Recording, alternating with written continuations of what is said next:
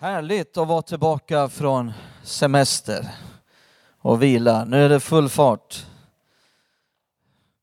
Man är inte skapt för semester. Men eh, någon gång ibland kan det vara bra att vila lite grann, så laddar man batterierna. Men man mår bäst när man får vara i full fart. Härligt att se er allihopa. Hoppas ni också har haft en härlig sommar härlig semester. Det är ju inte riktigt slut än. Utan vi får lite mer, hoppas vi får lite mer härliga dagar. Um, vi ska slå upp våra biblar här till Ordspråksboken kapitel 28. Så ska vi utgå därifrån, från vers 1. Ordspråksboken kapitel 28 och den första versen. Men innan vi läser så ber vi tillsammans. Fader Gud, i Jesu namn, jag ber nu att du ska tala i detta möte, i denna gudstjänst. Vi har kommit hit därför att vi vill möta dig. Eh, vi har inte kommit hit bara för att bli underhållna. Eh, lyssna på någon människa, betrakta någon människas filosofier. Vi, vi har kommit här idag för att vi har ett behov. Och det är att få möta dig, se dig, umgås med dig, lyssna till dig. Och jag ber att dina ord ska bli hörda genom den helige Andes kraft och förmåga eh, hos var och en av oss. Ord som får förvandla våra liv, ord som får föra oss in i det liv som du har tänkt och planerat för oss. I Jesu namn ber vi. Amen. Då står det så här, de ogudaktiga flyr fastän ingen förföljer dem. De rättfärdiga är trygga som unga lejon. Eh, temat som jag har idag är frimodiga som lejon. Frimodiga som lejon. Eh, det står här i folkbibeln att de rättfärdiga är trygga som unga lejon. Eh, I Bibel 2000 så står det att de är orädda som lejon. Eh, tittar man i Handbok för livet som många läser så står det att de är modiga som lejon. Eh, eh ett flertal engelska översättningar säger frimodiga som lejon.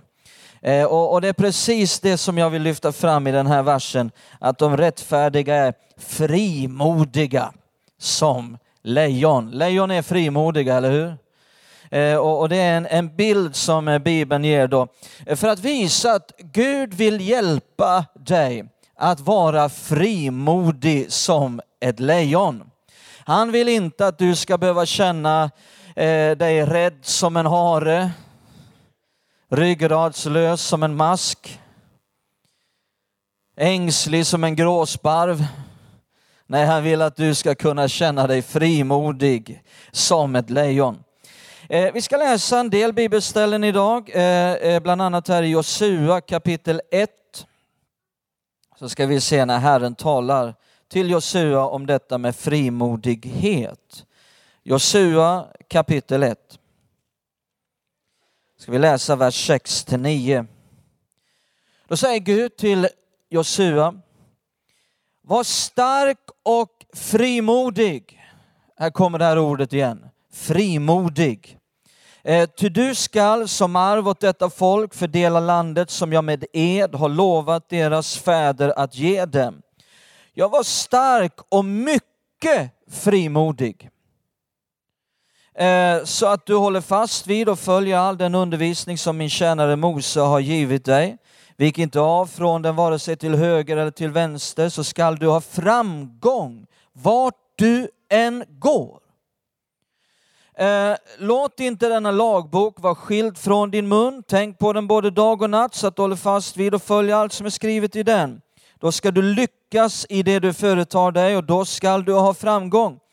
Och så kommer det igen i vers 9. Har jag inte befallt dig att vara stark och frimodig? Var då inte förskräckt eller förfärad, ty, och så står det, Herren din Gud är med dig vart du än går.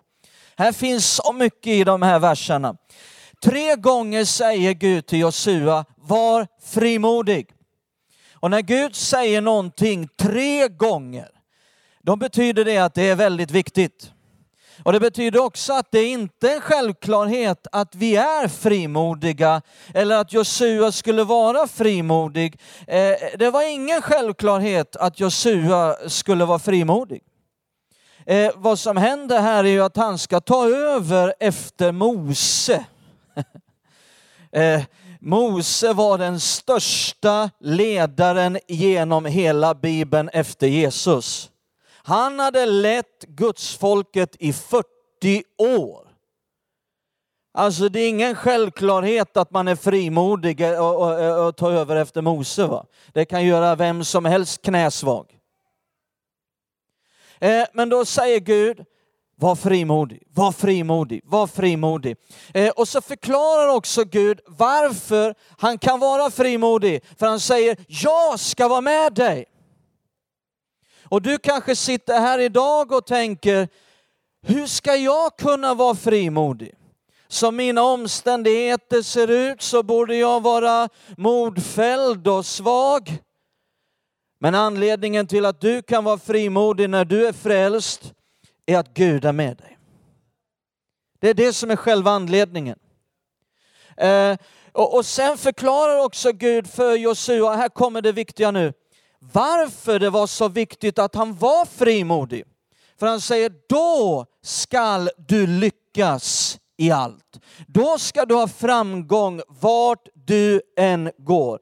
Så frimodigheten var själva nyckeln till att han skulle ha framgång vart han än gick. Och om det var en sån nyckel för Josua med frimodighet, då blir det också en nyckel för oss till att lyckas i våra liv, till att ha framgång i våra liv. Ja, men Gud vill väl inte att vi ska ha framgång? Ja, men varför talar han om för Josua då hur han ska ha framgång? Det är väl klart att han vill det. Eh, och det här är en nyckel till eh, att vi kan segra i våra liv. Frimodighet. Någon kanske säger, ja om vi bara har mer tro och kraft så ska vi väl eh, kunna klara av det här. Ja, ofta är det inte mer tro som behövs, utan det behövs en järvhet att våga göra någonting med den tro man faktiskt har. Att våga kliva ut där det bara är Gud som bär. Att våga ta det där steget. Eh, att kliva ur båten du vet, inte i båten som Gud gör mirakler, det är när du har klivit ut ur båten, där det bara är han som bär. Du kan sitta i den där båten till den går på grund. Gör dig själv en tjänst och få frimodighet i ditt liv och kliva ut ur båten. Eh, titta här i Hebreerbrevet 10, vers 35. Hebreerbrevet 10 och 35. Ni har inte glömt var Hebreerbrevet ligger i Bibeln va? Under, här under semestern. Hebreerbrevet 10 och 35. Då står det så här. Kasta därför inte bort er, vadå? Som ger stor lön. Vad ger frimodigheten? Stor lön. Eh, så den har en lön med sig. Frimodighet är väldigt viktigt. Så om man inte har frimodighet så betyder det ingen lön. Eller hur? Eh, så jag vill bara röra vid det här idag. Vad, vad, betyder då frimodighet? Ja, det är precis som ordet låter. Det är fri, modig och het. Jag har betalat min fru för att skratta lite här idag. Frimodighet, det är att vara fri, modig och het. Eh, och jag vill tala om frimodighet en kort stund här och frimodighet inför tre världar. Jag vill tala om frimodighet inför himlen. Jag vill tala om frimodighet inför den här världen. Och jag vill tala om frimodighet inför den onda andevärlden. Frimodighet i tre världar. Vi börjar i Hebreerbrevet 4 kapitel 16. Frimodighet först av allt inför den himmelska världen. För det är där som all frimodighet börjar. Vi kommer aldrig att vara frimodiga på ett sant sätt inför människor, definitivt inte inför den onda andevärlden, om vi inte först har en frimodighet inför Gud. Det är där som all frimodighet börjar. Eh, och då står det så här i Hebreerbrevet 4 och 16. Hebreerbrevet 4 och 16. Låt oss därför frimodigt gå fram till nådens tron för att få barmhärtighet och finna nåd till hjälp i rätt tid. Här står det hur vi som är Guds barn kan komma inför Guds tron. Det står, det står låt oss därför frimodigt gå fram. Det står inte låt oss komma in krälande som ovärdiga maskar. Med en känsla av att Gud tittar nog snett på oss och vi får gå som på tå så att han inte ska klubba oss i huvudet med en gigantisk flugsmällare. Jag var på ett bönemöte en gång för en del år sedan. Det var i en stad, jag råkade bara vara, jag var där i stan och tänkte jag vill gå på ett bönemöte så jag kollade lite annonser och så såg jag en kyrka, det var bönemöte så jag åkte dit. Fullt med folk hade samlats. Härligt. Och det var god atmosfär, många som bad, underbart. Och, ja, det var härligt på alla sätt. Och så mitt i bönen så var det en from stämma som höjdes. Käre Gud. Jag har alltid undrat varför man dallrar på rösten. Hör Gud bättre då, liksom med de här vibrationerna? Käre Gud, förlåt din tjänare att han ännu en gång vill komma till dig. Förlåt din tjänare att han ännu en gång vill tala med dig. Och jag tänkte, snälla kan någon hjälpa människan? Är det så vi ska komma inför Gud? Be om förlåtelse för att vi ännu en gång ska komma och tala? Nej. Varför då? Därför att vi är Guds barn. Det står att vi har fått söners rätt, barnens rätt inför honom. Jag menar, tänk om jag skulle komma så till mina föräldrar medan de var i livet. Jag kommer hem till mitt föräldrahem, knackar på dörren, mamma kommer och öppnar, där står jag. Förlåt din son att han ännu en gång vill komma till dig. Förlåt din son att han ännu en gång vill tala med dig. Jag menar hon skulle ju undra vad håller han på med? Kan någon hjälpa min son? Vad har tagit till? Nej, jag behövde inte komma så. Jag kunde bara komma in springande och säga tjena morsan, här är jag. Vad roligt att se dig, jag är lite hungrig. Jag kunde gå raka vägen till kylskåpet utan att ens fråga och bara lassa in mat. Och, och, och sen kunde jag bara gå in och lägga mig på farsans säng och, och bara vila och sova lite grann och, och bara njuta. Halleluja! Men det kunde inte du. Eller hur? Tänk om du skulle komma inspringande så där i mitt föräldrahem. De skulle ju undra vad det var frågan om. Men varför kunde jag? För att jag var en son i huset. Eller hur? Jag var barn. Så är det. Och vi är barn inför Gud. Därför kan vi komma på det här sättet inför Gud. Inte arrogant, men med en glädje och en frimodighet och säga Gud, vad underbart att jag får vara inför dig. Eh, ja, men du vet inte vad jag har gjort. Jag kan inte komma på det sättet. Jag vågar inte det. Eh, jag bär på en sån känsla av skuld. Eh, jag har gjort så mycket fel. Hur ska jag kunna komma frimodigt inför Gud? Titta här, om vi går fram några kapitel till kapitel 10. Du måste bara tänka rätt. Hebreerbrevet 10 och 19. Hebreerbrevet 10 och 19 så står det så här. Bröder, i kraft av Jesu blod kan vi nu frimodigt, här kommer det igen, frimodigt. I kraft av Jesu blod kan vi nu komma frimodigt in i det allra heligaste. inför Guds tron i himlen. Varför kan vi? Jo, det står i kraft av Jesu blod. Eh, om du förstår det så förstår du varför det har inte någonting med dig att göra, utan det har med hans blod att göra. Jesu blod som rann på Golgata kors. Det han bar in i det allra heligaste i himlen på tredje dagen efter sin uppståndelse. Eh, det är det blodet som vittnar och säger, han blev gjord till min synd. Han blev gjord till alla mina misstag, all min missgärning drabbade honom. Han tog mitt straff för att jag skulle gå fri. Det är vad hans blod vittnar om. Och när du tar emot det budskapet och säger ja tack till det och säger jag behöver det. Från den stunden ser Gud på dig som om du har gjort allt rätt och sagt allt rätt. För all dom är borta, allt straff är borta, Jesus tog det och Gud ser på dig som att du har gjort allt rätt och sagt allt rätt. Det är en gåva och det är nåd och det beror på Jesu död.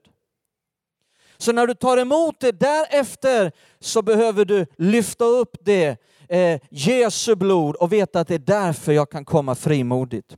Det betyder nu inte att du kan börja leva hur som helst och ändå ha kvar en frimodighet inför Gud. Det betyder att om du gör ett misstag så kan du be om förlåtelse. Du kan bekänna det inför Gud och så upprättas din frimodighet omedelbart. Om du däremot börjar vanemässigt att leva i eh, medveten synd regelbundet utan att vända om så kommer inte det att finnas en frimodighet i ditt hjärta, så lura inte dig själv. Om du börjar leka med synden så leker snart synden med dig. Eh, titta här i första Johannes brev 3 och 21. Ditt eget hjärta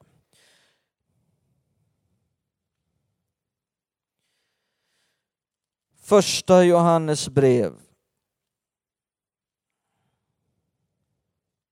3 och 21. Mina älskade, om hjärtat inte anklagar oss är vi frimodiga inför Gud. Så det har med ditt eget hjärta, ditt eget hjärta kan börja anklaga dig och då tappar du frimodigheten inför Gud. Vad som händer då när man tappar frimodigheten inför Gud, det är att man blir stum inför Gud. Bönelivet upphör. Livet med Gud börjar avta. Du kanske kommer till himlen, men ditt liv här på jorden blir miserabelt. Lura inte dig själv. Till sist blir världen väldigt attraktiv. Eh, Leker du med synden leker den snart med dig. Gud vill ge dig kraft från den helige Ande att inte bara vara fri från syndens skuld utan också syndens makt. Och det behöver vi förstå. Du är redan fri från syndens skuld men det finns en syndens makt som bara gör ditt liv miserabelt. Och, och, vi klarar inte detta själv, men den helige Ande vill ge oss kraft inifrån och då upprättas en fantastisk frimodighet inför Gud. När vi då blir frimodiga inför Gud så kommer också en frimodighet inför världen, inför människor. Varför då? För då känner inte du att det är någonting som måste döljas. Det är rent hela vägen, du har ingenting att gömma. Du blir frimodig på ett oerhört djupt sätt inför människor. Och nu kommer den andra frimodighet inför världen. Titta i Apostlagärningarna kapitel 4. Apostlagärningarna 4 ska vi se några frimodiga människor. Apostlagärningarna 4, vers 13.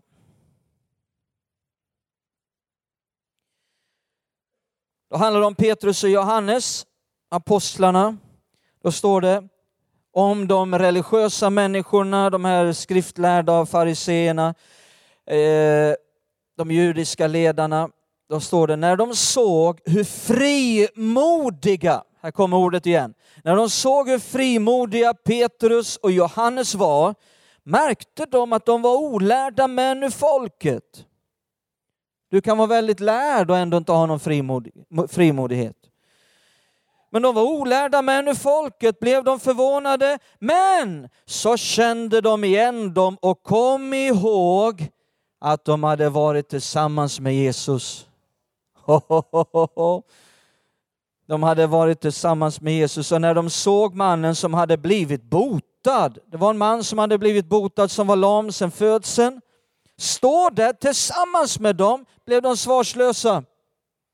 Eh, så eh, de hade varit med Jesus. Det var det som orsakade en frimodighet i deras liv. Eh, det, det märks när någon har varit med Jesus. Det märks när någon lever intimt med Jesus. Det märks också när någon inte har varit med Jesus. Det är den här Jesusgemenskapen som ger och skapar frimodighet i våra liv. Vi talar också om hur frimodighet kommer. Frimodigheten har med sig stor lön läste vi. Vad var lönen här för frimodighet? Helande. En lam man blev botad på grund av deras frimodighet. Ehm, de sjuka kommer inte att bli botade förrän du får en järvhet att faktiskt lägga händerna på de sjuka. Eller hur? Din frimodighet kommer att ha lön med sig. Din frimodighet kommer att, att orsaka att fantastiska saker sker. Titta här i kapitel 14, vers 3. Var frimodig som ett lejon, inte rädd som en hare. Gud vill hjälpa dig fram till detta och det är så viktigt för hela hans församling och också för ditt liv. Apostlagärningarna 14 och 3. Paulus och Barnabas stannade där en lång tid och talade, hur då? Blygt? Nej, frimodigt i Herren som bekräftade sitt nåderika ord genom att låta tecken och under ske genom deras händer. Genom deras händer. Hur växer frimodigheten? Vi kan väl alla känna ibland och, och, och, några, många kanske känner här, jag behöver mer frimodighet. Kanske vi alla känner, det finns plats för mer frimodighet. Hur växer frimodighet? Ja, det är ganska enkelt egentligen. Det, det handlar om att du tar den frimodighet du har. Vare sig den är stor eller liten, om du har lite frimodighet så, så kommer det att växa om du bara tar den och gör någonting. Där du är, börja där du är. Vad kan du tänka dig att du kan våga? Ja, jag vågar det här men det är inte väldigt mycket. Ja men gör det då. Och när du då gör det och ser ett positivt resultat så kommer din frimodighet att växa. Och nästa gång vågar du lite till. Och så växer det och det växer och till sist så vågar du vittna för vem som helst, var som helst, när som helst. Halleluja. Det är så det eh, Hur ska människor kunna bli frälsta om inte vi är frimodiga? Eller hur? Det är frimodigheten som är en sån stor nyckel. Titta i Apostlagärningarna 9, ska vi se någonting annat, eh, något annat med frimodighet. Apostlagärningarna 9, vers 28. Apostlagärningarna 9, 28 till 29. Så står det, sedan stannade Saulus hos dem och han gick in och ut i Jerusalem och predikade frimodigt i Herren Jesu namn. Han talade och diskuterade med de grekisktalande judarna, men de försökte röja honom ur vägen. Det är någonting med frimodighet, när, när du får en frimodighet inför Gud och du blir frimodig inför människor så har frimodigheten med sig förföljelse. Att människor kommer att håna dig, göra narr av dig, men du har ju varit med Jesus. Så därför när grupptrycket reser sig upp mot dig så är inte du ryggradslös som en mask Och du sitter inte där och blinkar som en rädd hare i helljuset från en bil. Utan du står upp för det som är sant. Oavsett vad andra tycker och tänker. För du vet att det är rätt. Du vet att det är sant. Och du har varit med Jesus och det ger dig frimodighet. Ehm, titta här också till sist. Frimodighet inför ondskans andevärld. Titta i Lukas 10. Vi talar om frimodighet i tre världar. Den himmelska världen, den här världen och den onda andevärlden. Lukas 10, vers 17 och framåt så står det så här. Jesus han hade ju sänt ut 70 stycken lärjungar på missionsuppdrag och så kommer de tillbaka nu till Jesus och då står det så här om dem. De 70 kom glada tillbaka. Det är underbart. När man blir utsänd av Jesus på missionsuppdrag så kommer man glad tillbaka. De kom glada tillbaka. Och vad var de glada för? Jo, det står de berättade. Herre, till och med de onda andarna lyder oss i ditt namn. det var det de var glada för. De kom in spralliga, glada, uppsluppna. Och de var glada över att de hade upptäckt att de kunde vara frimodiga också i mötet med Satan och demoner. Det var det de hade upptäckt. De onda andarna lyder oss i ditt namn. Ja, vad är då Jesu reaktion på det här? Nej, men sånt här får ni inte prata om. Vi ska låtsas om som demoner inte finns. Nej, det var inte Jesu respons. Tvärtom ser vi honom glädjas mer än någon annanstans i hela evangelierna. Aldrig ser vi Jesus så här glad i evangelierna som just den här gången. Titta här ska ni få se. I nästa vers. Han sa till dem, jag såg Satan falla som en blixt. alltså, här kommer hans lärjungar in. De är jätteglada över att de onda andarna lyder dem och då, då, liksom, då ser vi mästaren. Grabbar, alltså jag har varit med om det ni inte har varit med om. Ni har kastat ut lite onda andar här men jag var med på det när det verkligen begav sig. När Satan själv blev utkastad från himlen. Ho, ho, ho, som en blixt. Tjong bara. Hallå! Det här är Jesus. Titta vad mer han säger. Se, jag har gett er makt att trampa, inte som jag bad en gång i ett bönemöte, då tackar jag Gud för att Gud, tack att du har gett oss makt att trampa på skorpor och ormioner. Alla börjar skratta i bönemötet. Nej, det blev ju fel. Det står inte skorpa här. Se, jag har gett er makt att trampa på ormar och skorpioner och att stå emot fiendens hela välde. Ingenting ska någonsin skada er. Wow! Men så säger Jesus, men gläder inte så mycket över att andarna lyder er som över att era namn är skrivna i himlen. Så här kommer också en påminnelse om att ha rätt fokus. Vi är himmelsfokuserade.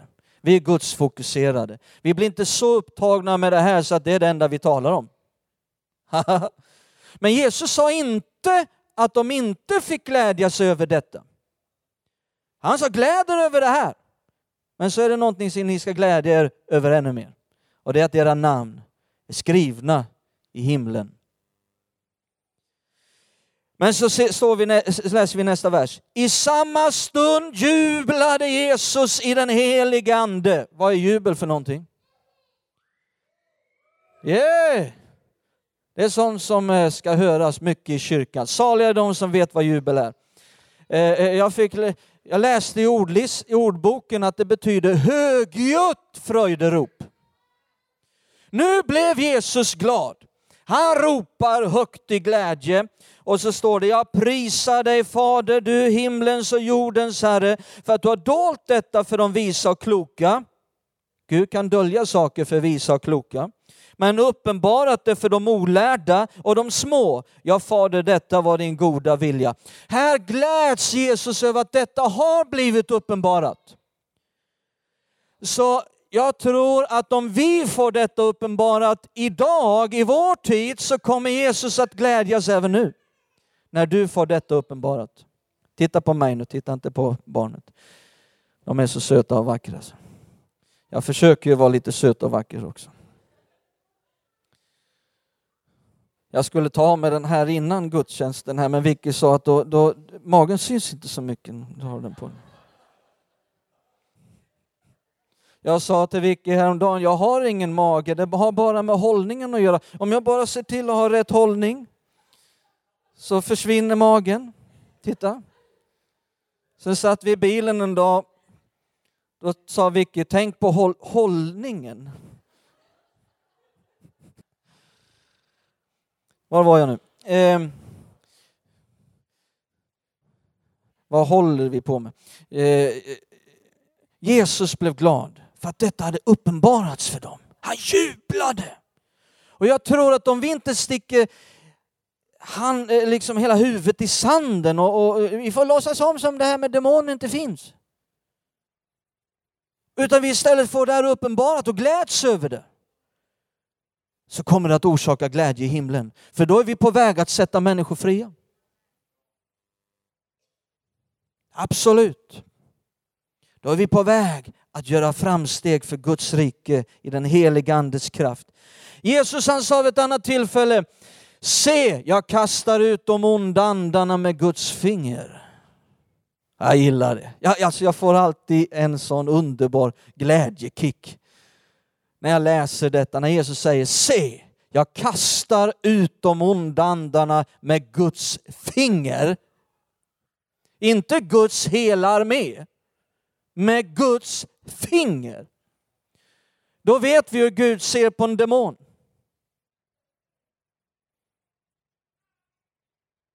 Ja, där har vi en.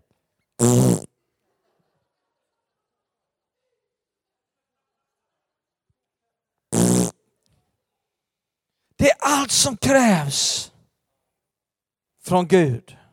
Så stor är vår Gud. Och han längtar efter att få sätta människor fria i vår, i vår värld. Han älskar människor. Och Jesus drevs av en sån enorm passion för människor att han överallt kastade ut onda andar. Det var hans kärlek, hans medlidande när han såg mannen som sprang naken bland gravarna och sargade sig själv. Och man hade försökt att fängsla honom med kedjor men det gick inte för han fick en sån styrka på grund av den här demonbesättelsen. Och då står det att han var intagen med 6000 demoner. Och då står det att då, på grekiskan står det att Jesus blev sparkad i inälvorna. Han fick ont.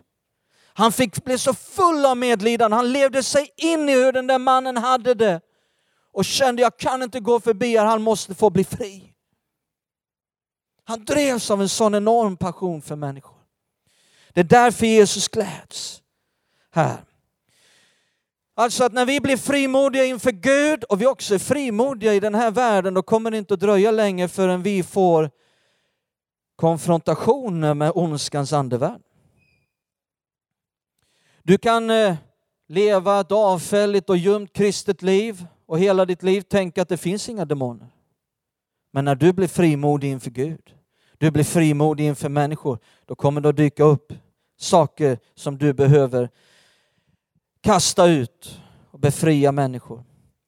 Jag minns för en del år sedan, sent en kväll så ringde den man. Jag hade haft lite kontakt med honom. Han ringde och var helt förtvivlad och sa Sven kom och hjälp mig, kom och hjälp mig. Jag, jag, kom Han bara ropade på hjälp.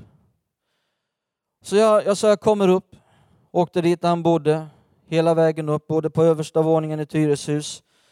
Ringer på, han kommer och öppnar. Han är i ett miserabelt tillstånd.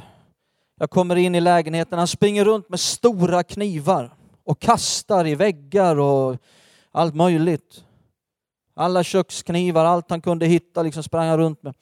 Den här mannen hade levt i den undre världen i många år. Gått på heroin, varit involverad i okultism, satanism, allt möjligt. Han, eh, han var helt från sina sinnen. Han eh, hade mördat människor. Han själv hade stora ärr på kroppen. Tjocka, stora ärr där andra hade knivskurit honom. Jag kommer in där han är helt från sina sinnen och jag får honom till slut att sätta sig ner i, i soffan. Jag sätter mig bredvid honom. Han tittar på mig med, med en sån ondskefylld blick. Det var, en sån, det, det, var någonting, det var inte han som tittade ut genom de där ögonen. Och så tittar han på mig och säger, varför är du inte rädd? Jag sa, jag behöver inte vara rädd. Jesu blod ger mig beskydd. Och idag ska du bli fri. Och sen så sa han, nu, nu måste vi rensa i ditt liv. Han hade ringt, det var han själv som ringde. Det var han själv som gav uttryck för, jag vill bli hjälpt, jag vill bli fri. Men sen tog de onda andarna över. Det gäller att hålla isär det där. Och hans egen vilja att bli fri, det räcker. Jag sa, men nu ska vi rensa. Vi gick igenom hela hans hem där. Hans skivsamling, han hade satans skivor. Jag sa, vi måste slänga det här. Vi gick igenom, han hade andra okulta prylar. Så jag sa, det här måste vi slänga. Vi började samla en hög i hallen. Till slut så sprang han in i sovrummet, han var livrädd. Där inne stod han och skakade så här. Jag sa, vad, vad, vad, är du rädd för? Jag vågar inte gå ut i hallen, det är så mycket onda andar där ute. Jag sa, du behöver inte vara rädd för det där. Gick ut och hoppade på grejerna. Så kom ut här, det här är inget farligt, jag är med dig. Eh, jag sa, har du något mer? Nej, han hade ju liksom inget mer, sa Då började Gud tala till mig och sa, han har dockor ute på balkongen. Jag sa, vad, vad är det för dockor du har ute på... Jag tyckte det var ett väldigt märkligt tilltal från Gud. Vad är det för dockor du har på balkongen? Ja, hur kan du veta det? Ja, så nu går vi ut här. Så gick vi och öppnade balkongdörren. Där ute hade han två konstiga dockor. Då höll han på med voodoo också. Jag sa, det här måste du kasta. Du måste rensa. Så in med det, vi ökar högen där, den blir större och större. Så sa du har gömt knark här i, i lägenheten. Ja, jag sa fram med det. Vi måste rensa rent fullständigt. Var är knarket? Han var, tog fram knarkpåsar och grejer. Och sen vis, talade Gud till mig igen och sa, han har gömt där bakom spegeln. Där inne har han gömt. Jag sa, du har, ju har mer. Där inne finns det. Ja, hur kan du veta det? Ja, Gud talar till mig, du ska bli fri nu. Och sen var jag som en knarkhund där inne. Vi fick fram alltihopa. Och, och, och till sist så kommer han springande där i hallen och så talar de onda andarna rakt ut igenom honom. Eh, på ett hemskt sätt. Och då säger jag bara i Jesu Kristi Nazarens namn, kom ut ur honom. Han föll ihop som en våt trasa. Och sen slingra, han började slingra sig som en orm på golvet. In i en stor garderob han hade. Eh, han skakade, det var en, en mycket märkliga grejer som började hända. Där inne låg han och skakade in i ett hörn. Jag kom in och så sa jag ytterligare en gång, Jesu Kristi namn, kom ut ur honom. Och plötsligt så blev han helt fri. Han var som en förvandlad människa, klar vid sina sinnens fulla bruk och kunde tänka klart. Och så sa jag, nu tar vi alla de här grejerna och så åker vi iväg och så bränner vi upp alltihopa. Så vi åkte upp där, klockan var två på natten eller någonting. Så när vi satt där, vi hade fjuttat eld på det, så fick jag syn på, han hade någon, någon grej som hängde här, någon scarf och någon, någon sån här grej som hängde här. Jag sa, det där är det sista. Den där måste du också slänga på elden. Jag visste inte vad det var, men Herren sa det. Vad är det för någonting? Han vill inte ens säga vad det var. Alltså om du ska bli fri nu så måste du slänga den på elden. Och han satt länge, det brann, tiden gick, gick flera minuter, fem minuter, tio minuter.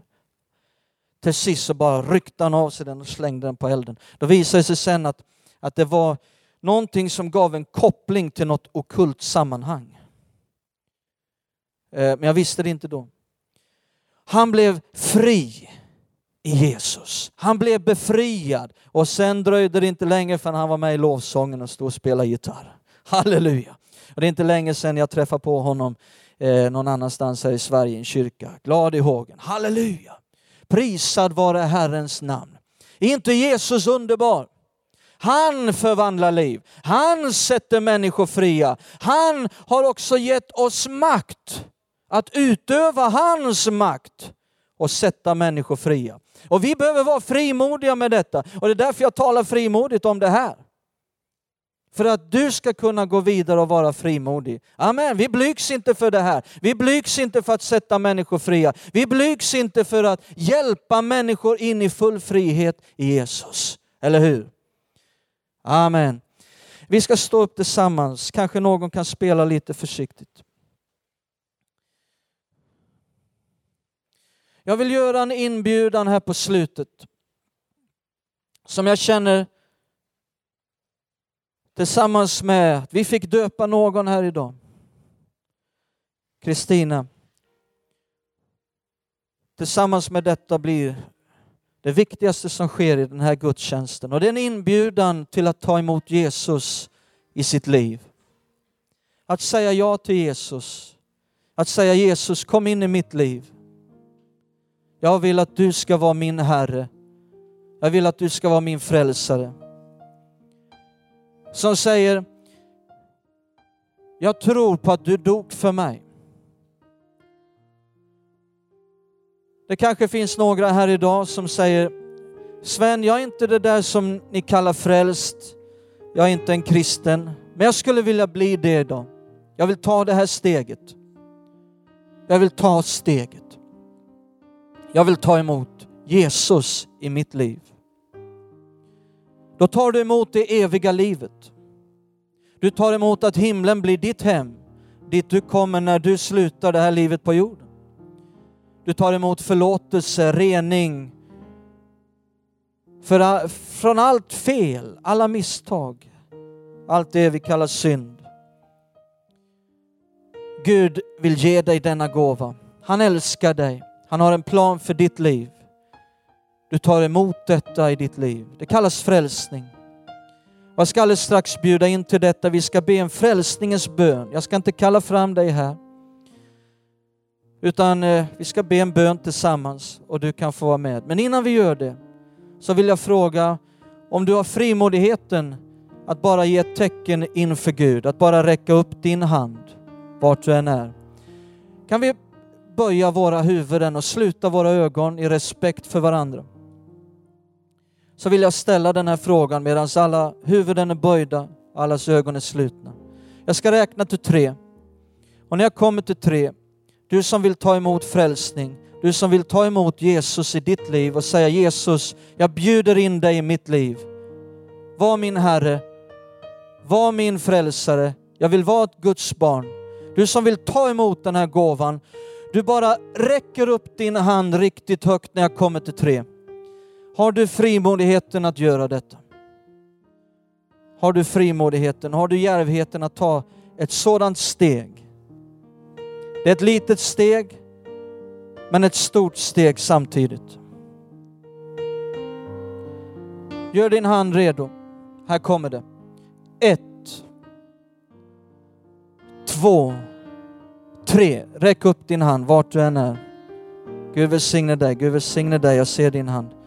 Finns det någon mer här idag?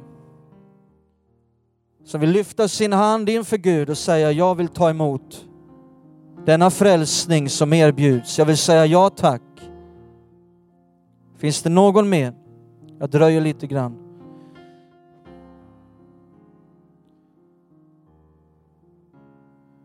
Den som inte säger ja tack säger nej tack. Valet är ditt. Valet är ditt. Vill du säga ja tack? Finns det någon mer? Låt oss be denna bön tillsammans. Denna bön till frälsning, vi ber alla högt. Du som räckte din hand, eller skulle ha räckt din hand. När du ber den här bönen från ditt hjärta så vet du att du tillhör himlen, att du tillhör Jesus. Att ditt namn är skrivet i himlen. Du kanske inte är van att be, du kan be efter mig, så ber jag före. Låt oss alla be tillsammans. Himmelske Fader, jag kommer till dig. Du är Gud, den enda guden, den sanna guden. Himlens och jordens skapare. Min skapare. Jag vill ta emot frälsning idag. Jag vill att Jesus ska vara min Herre och min frälsare. Jag vill vara ditt barn Gud. Förlåt mig all min synd. Förlåt att jag inte har vandrat på dina vägar. Jag vill vända om från allt som är fel. För att följa dig av hela mitt hjärta. Jag tar emot frälsningen idag. Tack Gud att du tar emot mig. Tack Gud att jag får tillhöra himlen. I Jesu namn. Amen. Amen.